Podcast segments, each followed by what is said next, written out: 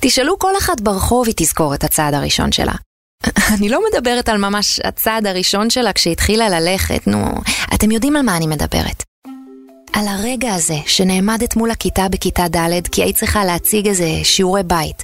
בהתחלה נסע לך המוח מרוב לחץ, אבל אז פשוט עשית את זה, ושיחקת אותה אפילו.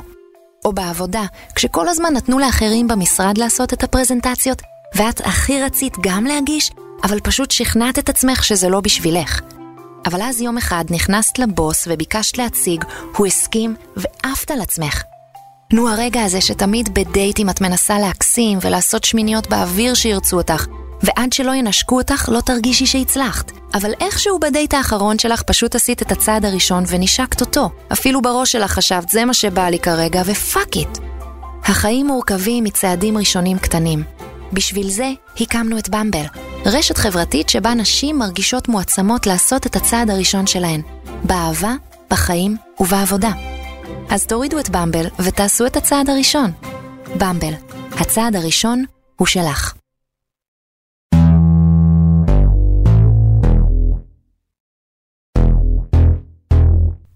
ברוכים וברוכות הבאות, אני נרקי סלון והגעתם לפודקאסט משחקות באש. פודקאסט בשיתוף עיתון הארץ של גברים ונשים שמסכימים לשחק באש כדי לקדם את החברה בה אנחנו חיים בשלל נושאים נפיצים. בפרק הזה היה לי את העונג לצלול לשיחת נפש עם תמר מורסלה, שהיא בין היתר הסופרת של ערות, נשים מדברות מיניות. הספר עמד שבועות רבים בראש רשימת רבי המכר, ושם בקדמת הבמה את השיח על מיניות נשית. השנה ביחד עם עדי ארבל, תמר הוציאה גם סדרה בשם ערות באותו פורמט. בשיחתנו דרך ניתוח עדויות מהסדרה ושיתופים מחיי האישיים של תמר, ניסינו לתת מענה למספר שאלות מהות. מה מונע מנשים לעשות את הצעד הראשון ולהיות אקטיביות במיטה? איזה אתגרים נשים שמעיזות לעשות זאת חוות? מה זה אומר להיות אישה חופשייה? ומהם המחירים שאנחנו נדרשות לשלם כשאנחנו בוחרות בחיים של תשוקה? נעבור לפתיח ונתחיל.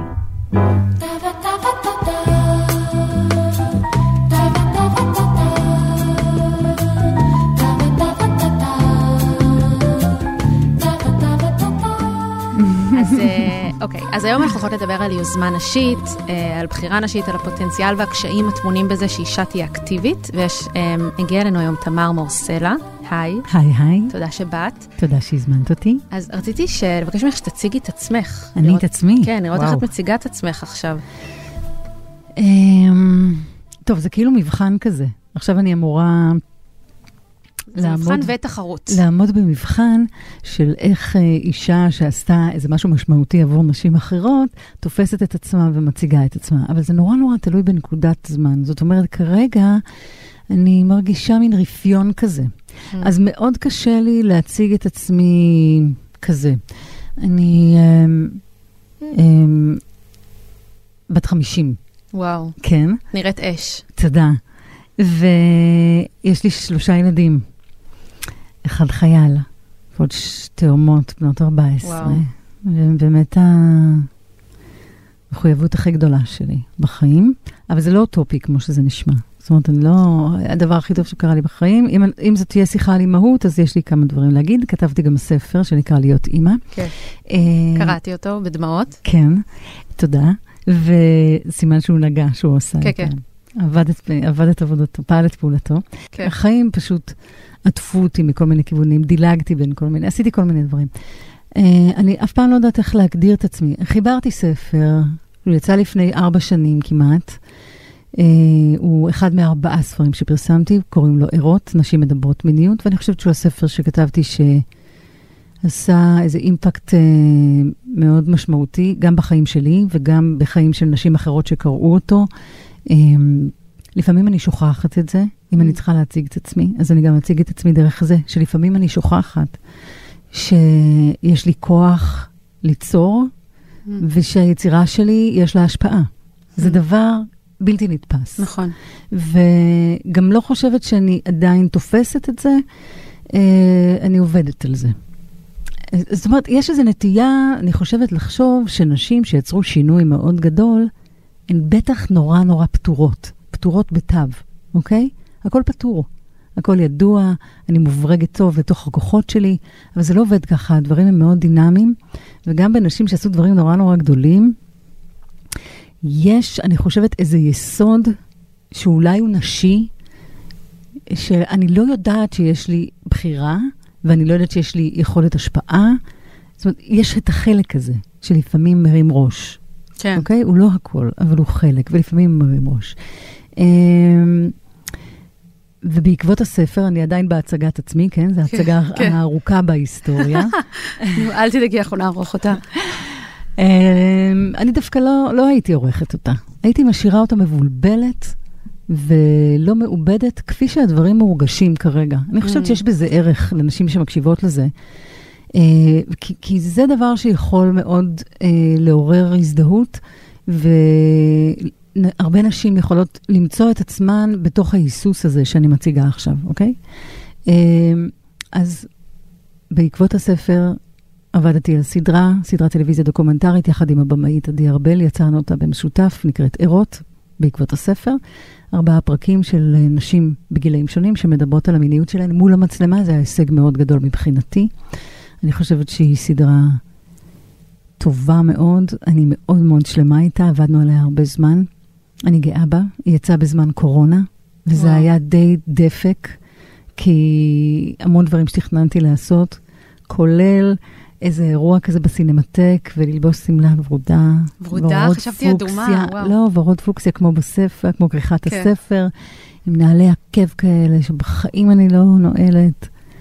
ולא הייתה לנו אה, בכורה כזאת, אבל עשינו איזה אירוע חמוד בחצר שלי. אז אה, דבר ראשון, אני רוצה להגיד לך תודה, בגלל שהספר שלך, אה, ערות, הוא בעצם היה אחד הדברים, אה, אם לא הדבר המרכזי, שנתן לי אישור להתעסק באופן ציבורי במיניות נשית, אה, עם המיניות שלי. אה, זה באמת איזשהו ספר ש... אישור? את בטוחה שאישור זאת המילה? עבורי כן. בואי תמצאי מילה אחרת. אבל כן, אני רוצה להגיד שלי המילה אישור היא לא כן? מצלצלת מהשורה. אוקיי. היה משהו כזה של אה, לקרוא את זה, ו... אה, אני לא משוגעת, וזה לא מוזר שאני מרגישה את כל הדברים האלה, ושאני רוצה גם, אה, אה, וזה לא פורנוגרפי בהקשר הנגטיבי של המילה, אה, לדבר על זה בצורה ציבורית. זה חשוב, ויש בזה אפילו מימד שהוא אקטיביסטי. לגמרי. ו... אני ידעתי את זה כל הזמן. וכן, וכן, היה בזה, היה בזה אישור עבורי, ש... ש... שדווקא עבורי לקבל אישור מנשים זה, זה דבר נפלא, כי אני חושבת שהרבה מהחיים זה היה לחפש אישור מגברים. ורציתי לשאול אותך שאלה בעצם לפני שאנחנו נלך לכל מיני עדויות שעלו בסדרה שיצרתי עם עדי בעקבות הספר. שמתי לב שבספר את לא חושפת את המיניות שלך, נכון. ורציתי לדעת אה, זה מאיפה- נכון ולא נכון. אז זהו, רציתי לדעת מאיפה הבחירה הזאת נבעה ומה זה אומר נכון ולא נכון. קודם כל, כשאני בוחרת uh, לכתוב נשים מסוימות, הבחירה היא שלי והיא עוברת דרכי, ולכן אני נמצאת שם. זה ברור? כן. אוקיי. אה, כי דיברתי עם יותר נשים ממה שנכנסו לספר, ומי שנכנסה לספר היא כזו שעברה דרכי, והייתה איזושהי תמונת מראה לחלק שקיים בי, אוקיי? אז אני כן בספר. הבחירה לכתוב את זה בגוף ראשון כמונולוג, ולא לכתוב את זה כשיחה או כראיון, הייתה בחירה מודעת, כזו שחשבתי שזה זה לא מוסיף, ולהפך, חשבתי שזה עלול להפריע, וגם חשבתי שזה לא נכון. ראיתי את זה כמו תיאטרון בעצם. ראיתי דמויות, דמות עולה, מספרת את הסיפור שלה, הוא נכון יותר. היה שלב שחשבת לשים מונולוג שלך? לא. למה? כי לא רציתי לקחת את הפוקוס. אני גם חושבת שאז לא הייתי בשלה, וגם לא רציתי לקחת את הפוקוס מהנשים שנמצאות בספר, כי ידעתי שכשיצא הספר ויראיינו אותי, וזה היה לי די ברור שזה מה שיקרה, הפוק... אם יהיה מונולוג שלי, אז ישאלו אותך על המיניות שלך בראיונות. הפוקוס ילך אליי ולא אל הדבר. כן. ואני נורא רציתי שהנושא, הוא יהיה. ה... הוא יהיה על שולחן ה... כן. הרגשתי שזה ממש בסדר, ואחר כך בכל ה... מה שהגיע אחר כך, אחרי שהספר יצא, יצא שזה היה צונאמי די גדול של... די גדול, היה צונאמי גדול מאוד של התייחסות וככה. אמ, הוא אה, היה אה, מדהים בעוצמתו ואפילו מטלטל באיזשהו אופן. כן. שזה שיחה בפני עצמה, איך מודד, מתמודדים עם הצלחה, זה- וגם מה זה הצלחה בכלל, וזה גם לא דבר שבא פתאום. אה, הייתי בת 46 כשהספר יצא.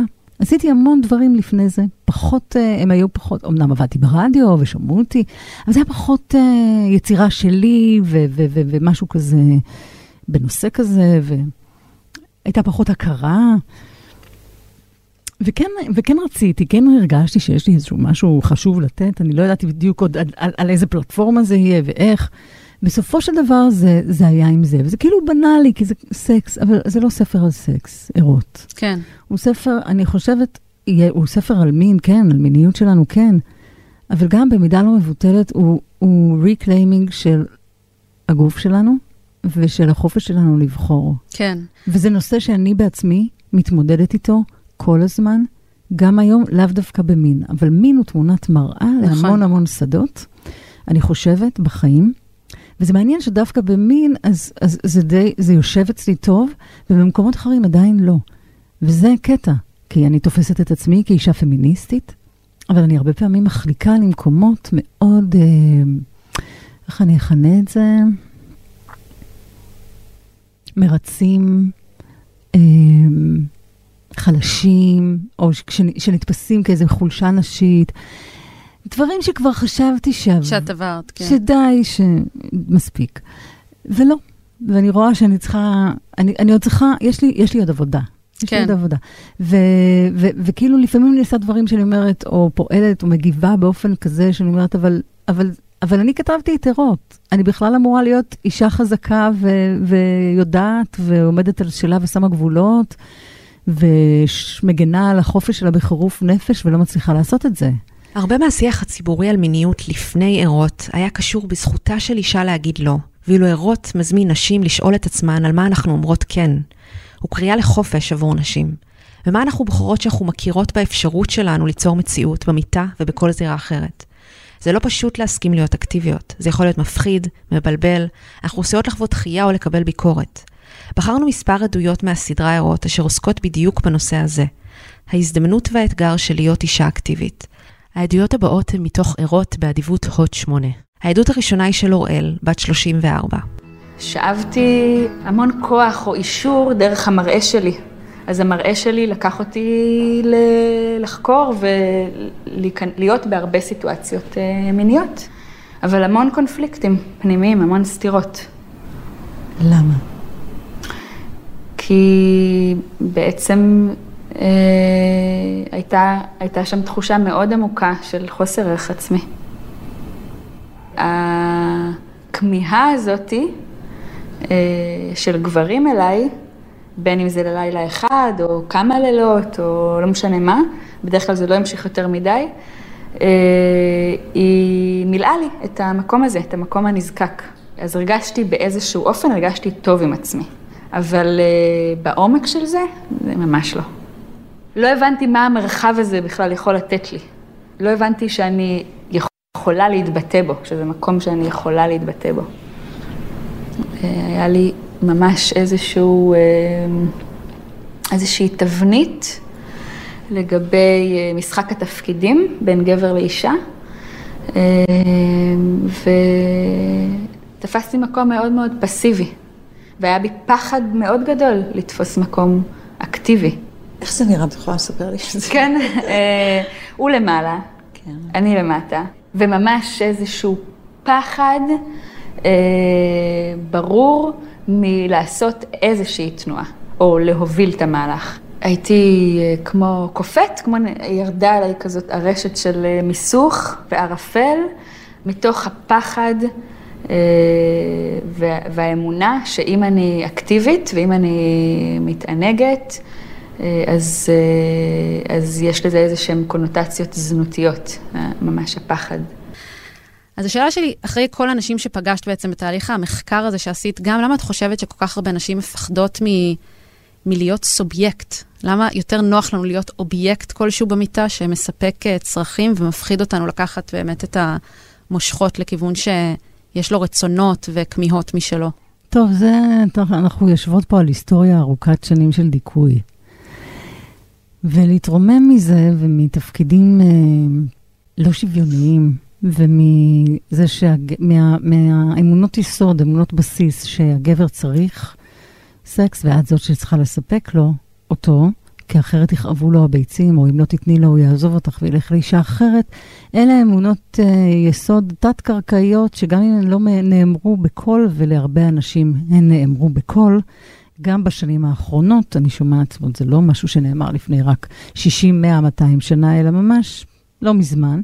אז, אז אה, זה, זה, זה מוביל אותך לאיזו התנהגות מסוימת. עכשיו, אני, אני מסתכלת על הבנות שלי, בנות 14, על איך הן מתעסקות בחיצוניות שלהן. וואו. על איך... אה, באיזה גיל זה התחיל? ההתעסקות בחיצוניות? כן. אני חושבת שבגיל 12, וואו. עכשיו זה ממש חריף. והן נורא, זה נורא חזק תרבותית. עכשיו, אנחנו חושבות שאנחנו הולכות קדימה? לא. זה גם דיכוי. אני רואה אותן עוברות דיכוי תרבותי בתרבות הפופולרית. It's all over the place. אין לי שום כוחות לעצור את הדבר הזה. אה, וזה גם סוג של דיכוי. עכשיו, למה, למה נשים לא... קודם כל, התפיסה של אישה שרוצה ומתענגת וזה עדיין בתפיסה התרבותית, לא, לא בתוך uh, קבוצות כאלה או אחרות, בועות כאלה או אחרות, עדיין יש איזו סטיגמה כזאת. העונג המיני הוא משהו שיש, או הצורך בעונג מיני, או התשוקה לעונג מיני, או לאורגזמה, המילה הזאת, שכן, ודגדגן, שהם בכלל, איזה כן. מילים שאת...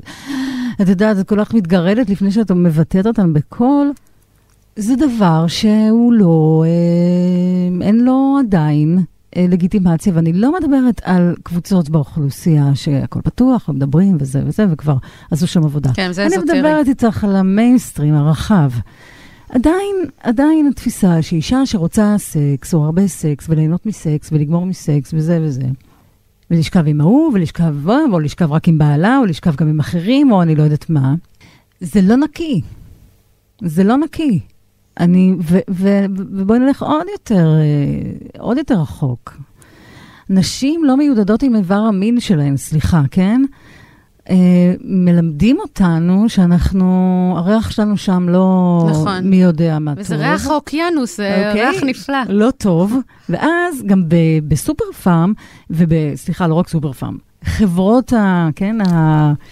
המגנים כן. התחתונים כן. אה, מת, מבשמות את המגן התחתון בבושם כזה של, אה, של פרחים, פרחי אביב, והמה המסר הסמוי, זה את לא מריחה מספיק טוב שם, אז בואי אה, נשפר לך את המצב ונבשם אותך קצת. והרבה נשים לא רוצות שהגבר שלהן יעשה להן מין סקס אוראלי, כי הן... כי הן מתביישות. הן מתביישות שזה אולי מסריח. תשמעי, המצב לא משהו. כן. אבל יש כבר דיבור על זה. אז זה יותר טוב ממה שזה היה, אוקיי? זאת אומרת, הנה את ואני יושבות פה, ואני אומרת את הדברים בקול. נכון. ולהרבה נשים, האמונות האלה, הן מופנמות. הן שם, הן אפילו לא יודעות את זה. ויש בושה נורא גדולה בעצם זה שהן בכלל מיניות או רוצות. אז יש השתקה של זה. השתקה עצמית, אבל היא לא באה מעצמן. יש לה שורשים, יש לה היסטוריה, יש לה ארכיטיפים. כן? חווה ולילית, לילית הפרטיינית, לילית המסוכנת. אישה מינית היא אישה מסוכנת שצריך להיזהר מפניה, ציד המכשפות. תשמעי, ההיסטוריה ארוכה. כן. ההיסטוריה של הדיכוי היא ארוכה, וההיסטוריה של ההתעוררות היא קצרה. או עדיין יש הרבה נשים שלא מזהות את עצמן כפמיניסטיות, וזה מוזר. פמיניסטיות בסך הכל, זו תנועה פוליטית למען שוויון הזדמנויות לנשים, מי תתנגד לדבר כזה? והתפיסה של הפמיניסטיות היא תפיסה של א-מיניות, שזה שטות ממש מוחלטת. יש פה כל מיני סיבוכים, והשיח על המיניות הוא, הוא, הוא עדיין מורכב. התפיסה של נשים את עצמן היא עדיין כזאת, שאני מדברת ממש בהכללה, שמין זה דבר מסוכן, ואצל חלקן, יש כאלה שממש אמרו לי, זה מסוכן. יש קטע בארות שאני מאוד אוהבת, שמדבר את זה. בעיקר, אני חושבת שאת הלגיטימציה של נשים להיות מיניות. מיניות, מיניות באמת, כמו שהן היו רוצות. שנה אחר כך ציירו גרפיטי על קירות בית הספר דנה זונה. היו שלוש דנות בבית הספר, אבל לכולם היה ברור שמדובר בי. הייתי עדיין בתולה, והתלבשתי באופן קצת מיני, זה הכל. זה הספיק כדי שיכתבו שאני זונה. חטפתי עונש על המיניות המופרזת שלי ועל זה ששיחקתי בצעצוע המסוכן שלי. לא רציתי את הגרפיטי הזה ever again. לא רציתי שיקראו לי זונה או שרמוטה. העונש הזה פגע בקלות המינית שלי. למדתי להיזהר, ועד היום החיים שלי מלווים בפחד לצאת משליטה. אף פעם לא עשיתי סקס בכמויות שיכולתי לעשות, וכאן אני דומה לרוב הנשים, כי הזהירות המינית היא משהו שאת לומדת להפנים. נותנים לך את הצעצוע הזה, שבחוש הפנימי שלך את מרגישה שהוא אינסופי, שאת יצור אינסופי, שפוטנציאלית את יכולה לגמור שמונה פעמים בלילה ולענג שמונים גברים במחנה רומאי, שאת היקום מבחינה מינית. את יודעת את זה, אבל את גם יודעת שאסור לך. כי איזו אישה עושה סקס עם שמונים גברים? העדות הזאת שבחרה תמר מהספר היא של דנה ספקטור, אבל הרבה מאיתנו היינו יכולות לספר את אותו סיפור בגרסה שונה. כולנו קיבלנו מתישהו את המסר שאת המיניות שלנו ראוי שנגביל, אבל לא רק בגלל שהיא מסוכנת, אלא כי נדמה לנו שהיא יכולה למנוע מאיתנו צורך בסיסי נוסף שקיים לנו. שתי העדויות הבאות מהסדרה שופכות אור על שני הצרכים שמתקיימים, כמעט בתוך כל אישה. הראשונה היא של פליאה, בת 28. נפרדנו אחרי עשר שנים. הייתי במקום מאוד מאוד סקרן לחוות מיניות ב... עם עוד הרבה אנשים. זה כמו קצת אה, לצאת לעולם אה, המיני פעם ראשונה שוב, כי בעצם הייתי רק איתו. פגשתי המון המון, בהתחלה תחושה של חופש, שאני יכולה מה שבא לי והכל, ו... ובאמת אה, התפזרתי להרבה הרבה כיוונים ודברים מאוד מאוד משוגעים. למשל, יש אה, כל מיני אה, אירועים או פסטיבלים שבהם יש הרבה אנשים ואפשר לחוות מיניות אה, עם עוד אנשים, לא רק עם בן אדם אחד, ואיך זה מרגיש מיניות בקבוצה. גיליתי את, ההשפרצה הנשית. פגשתי מישהו ש, שיודע איך לגרום כמעט לכל אישה להשפריץ, ובאיזשהו שלב זה התחיל קצת אם, כן, קצת לשעמם, כאילו, אוקיי, סבבה, הבנתי, הבנתי את הקטע, זה, זה כאילו כבר התחיל לא להספיק. אמרתי לעצמי, אוקיי, פעם הבאה שאני נפתחת, רגשית, אני פותחת את הלב שלי, אז יהיה מישהו שאני, שיהיה פנוי רגשית אליי. ואז התאהבתי בטירוף, ממש, ממש, ממש, והחוויה הזאת איתו הייתה ממש טלטלה בשבילי, הוא כמו ניער את כל כולי והחזיר אותי ללב שלי. היה לי חשוב לכלול גם את העדות הבאה של דינה בת 76, כדי להדגיש שלא מדובר פה באיזה עניין דורי. יצאנו לשליחות לאנגליה, וניהלתי שם איזה רומן אה. עם בחור. זו הייתה מין התאהבות כזאת, וכמובן הפרי האסור. אני פתאום הרגשתי שאני כאילו המובילה, שאני כאילו אה, יותר יכולה להתנסות, יותר דברים קרו לי שם. יותר נעימות הייתה, היו דברים אחרים. וזה זה נגמר, והוא, ואף אחד לא ידע על זה, אבל הוא ברוב, אה, לא יודעת, חוכמה או מה וזה, הלך וסיפר את זה לבעלי. והעניינים בינינו כבר לא התחילו לעבוד כל כך, אהבה לא הייתה שם, אה, מיניות סוערת לא הייתה שם, היו הילדים. אבל אז התחלתי לחשוב, רגע, מה אני נותנת להם? אותם מסרים שאימא שלי ואבא שלי נתנו לי, של דבר שהוא למעשה לא אמיתי. אמרתי לו, אני לא רוצה לתת אה, שקרים כאלה, אני, יאללה. והחלטנו להתגרש. שהיית בת כמה? קרוב ל-30 אולי כבר. ופה למעשה מתחילה המיניות האמיתית של דינה. אני הייתי בתל אביב אז, והחגיגה התחילה. מה זה אומר? החגיגה התחילה. בלי חשבון. כל מה שהיה לו מכנסיים וגילה העניין, אני שם. בבוקר מישהו אחד, בערב מישהו אחר, חגיגה, מה זה? וגילוי. גילוי, יש לי גוף, אני יכולה להתבטא איתו, אני יכולה לדרוש, ואני יכולה להגיע לאורגזמות משגרות. מאיפה זה היה? ואז ביום אחד פתאום נעמדתי מול הראי, הסתכלתי לעצמי, אמרתי, תגידי לי, מה את עושה? מה את עושה פה? די, מספיק. פתאום הקול של אימא עלה. את צריכה גבר, את צריכה יחסים, את צריכה פה, את צריכה שם. אז, אז יש פה שני דברים. אחד, הרגע הזה, ש... וגם אני זוכרת את זה בנתיב שלי, שאישה הופכת להיות אקטיבית, והיא אומרת, כמו שבקטע שהקראת, אני יכולה יותר, אני יכולה את ה... מולטי אורגזמיות הזה, וזה ממש כמו ילד שנכנס לחנות ממתקים בפעם ראשונה, זה לא ייאמן. כמו הבן שלי שבוע שעבר ראה פעם ראשונה סופגניה, זה היה מדהים לראות את התגובה שלו בלי שהוא יודע מה זה. אז זה כזה.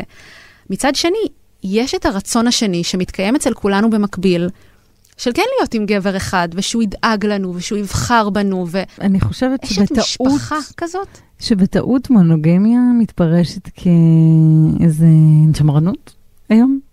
שמרנות. יכול להיות, אבל... אבל אני, לא. אני, זהו, אז זה לא, לא המילה הנכונה, אבל מה עושים עם השני רצונות האלה בעיניי? אני חושבת שלאנשים יש רצון באקסקלוסיביות, לרוב האנשים, אוקיי? גברים ונשים. כן, כן, ממש לאקסקלוסיביות. אה, אצל חלק מהם זה קיצוני והוא נושק לרכושנות ובעלותנות, ואצל חלק זה פשוט הרצון, אה, כן, לבנות משהו משותף, קשר עמוק, אינטימי, משמעותי, מיני, תשוקתי. אה, לרוב האנשים זה לא מצליח. אה, למה? וגם, כי זה מוסד, אה, זה פורמט מורכב, בעייתי לאורך שנים. תוחלת החיים עלתה, ואנשים חיים הרבה הרבה שנים ביחד.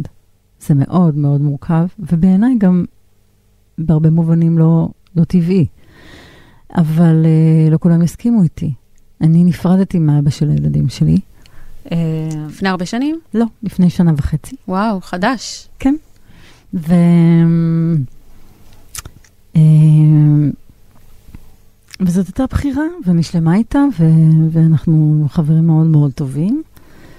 Uh, הרגשתי שזהו, שמשהו פשוט כבר לא עובד, ואני לא מעוניינת לחיות את החיים שלי בלי תשוקה. זאת אומרת, תשוקה שהיא לא רק מינית, היא משהו ששווה בעיניי להילחם עבורו.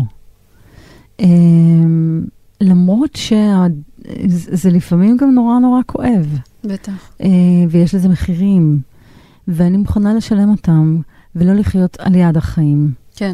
אבל לחיות את החיים, אני גם לומדת. Hmm. ממש, דרך החיים. אני בן אדם שמתאבד על החיים, נותן, אבל גם זה כבר, גם זה, זה הכל עניין בסופו של דבר, ואני אהיה הכי, הכי בנאלית קלישה. איזון. מינונים, מינונים, פשוט. כן. ואני לומדת את המינונים של עצמי, עכשיו. אני לומדת אותם. אני מאוד רוצה זוגיות. אני לא פולי אמורית, אני כן אוהבת... אה, אה, להיות ביחסים ארוכי שנים לאורך זמן. אה,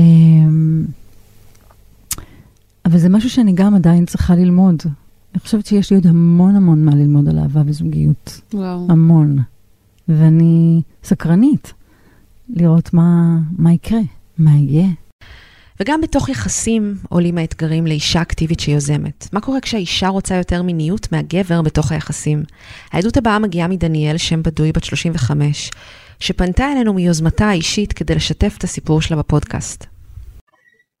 הייתי בזוגיות של מספר שנים עם בחור מקסים שמאוד מאוד אהבתי, אבל אחד הקשיים הכי כואבים בתוך הזוגיות הזאת, בשבילי היה שאני רציתי יותר מפגשים מיניים ממנו. למעשה הוא כמעט ולא יזם.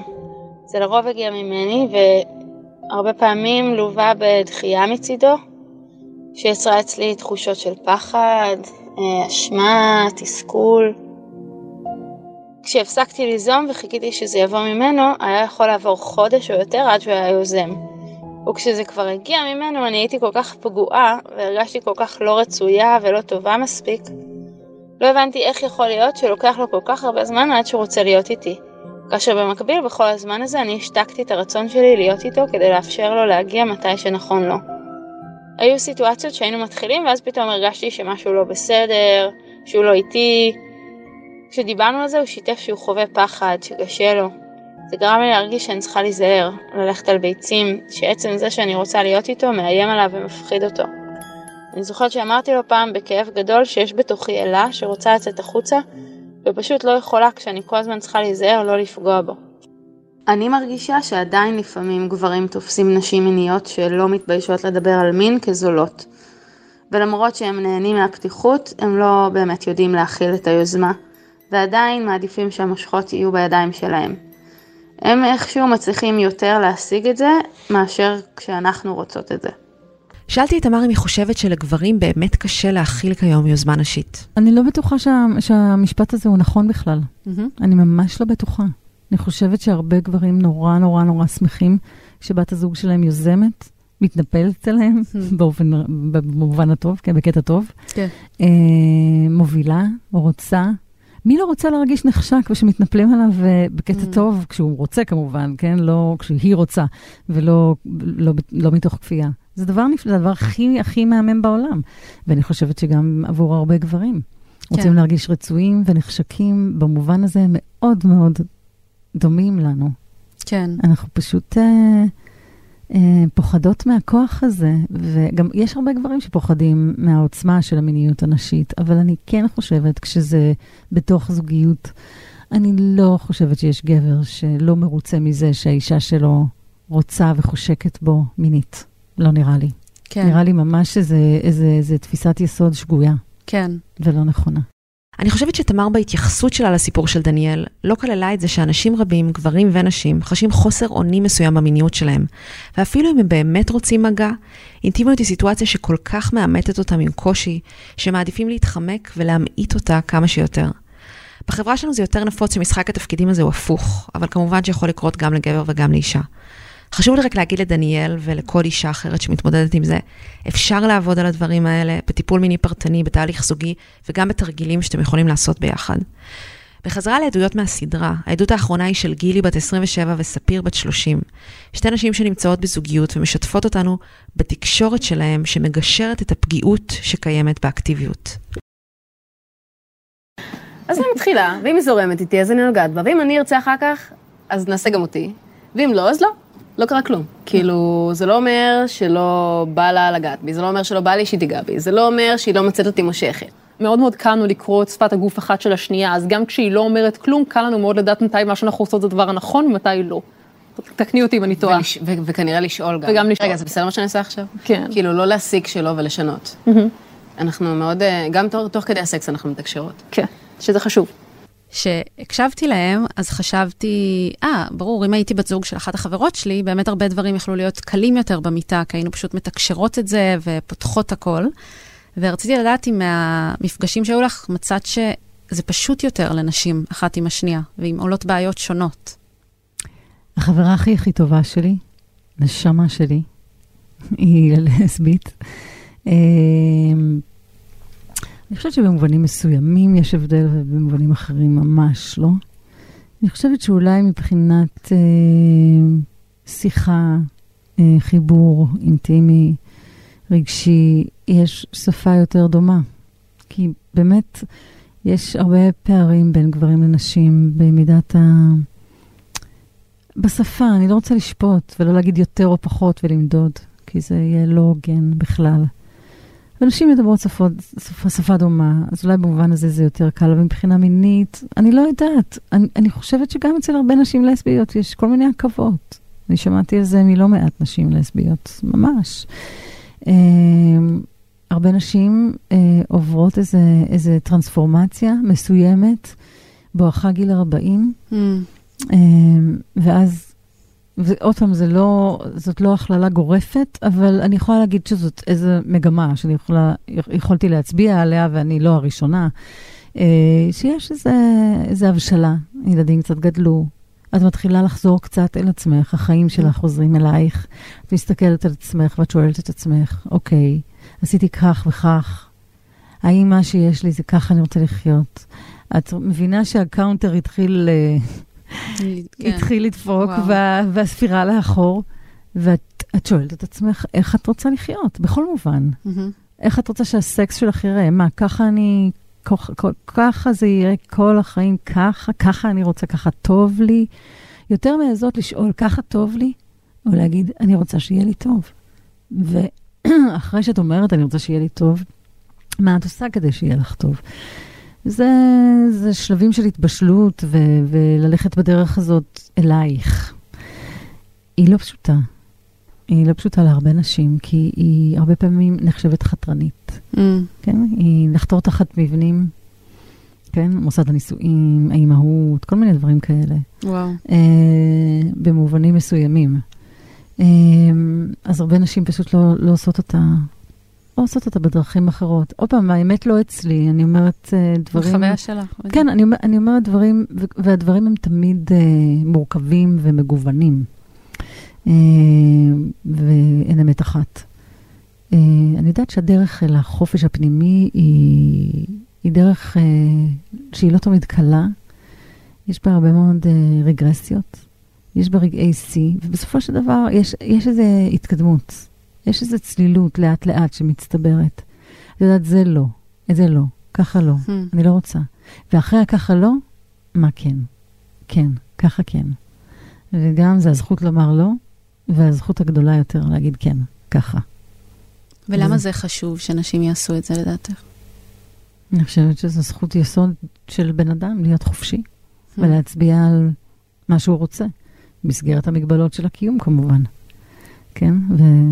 ולהשתדל לא לפגוע בבני אדם אחרים, לא כן. לדרוך להם. כן, ובהרבה מובנים זה מה שאת עושה יום-יום במסע, ש- במסע שלך. אני מאוד שם עכשיו, מאוד, אה, וזה מתערבב עם היצירה שלי, מאוד. אני גם מאוד שם עכשיו. היה משהו בשיחה הזאת עם תמר, שכמו כל היצירות שלה, היווה עבורי קריאה לחופש. האופן בו ערבבה בין האישי לפוליטי, למקצועי, למיני. האופן בו היא דיברה על הרפיון והבלבול שלה בפתיחות, שהיא שיתפה גם את הפערים והרצונות שלה שטרם הוגשמו. הזכיר לי שיש פגיעות מובנית בלבחור להיות אישה אקטיבית ויוזמת. זה לא בטוח, זה לעתים מטלטל, אבל ככה אנחנו כותבות מחדש את ההיסטוריה שלנו, ואין סיפור שיותר הייתי רוצה להיות שותפה בכתיבתו. תודה שהייתם איתנו. אתם מוזמנים להצטרף אלינו לקבוצת הפייסבוק שלנו משחקות באש. מרחב בטוח שם גברים ונשים משתפים באומץ על ההתנהגות המינית שלהם. ערכו את הפרק מאיה בניסן ואמיר פקטור, עיתון הארץ שותף להפצת הפודקאסט. ניפגש בפרק הבא ונמשיך לנהל את הדיון על היחסים בין גברים ונשים והתנהגות מינית.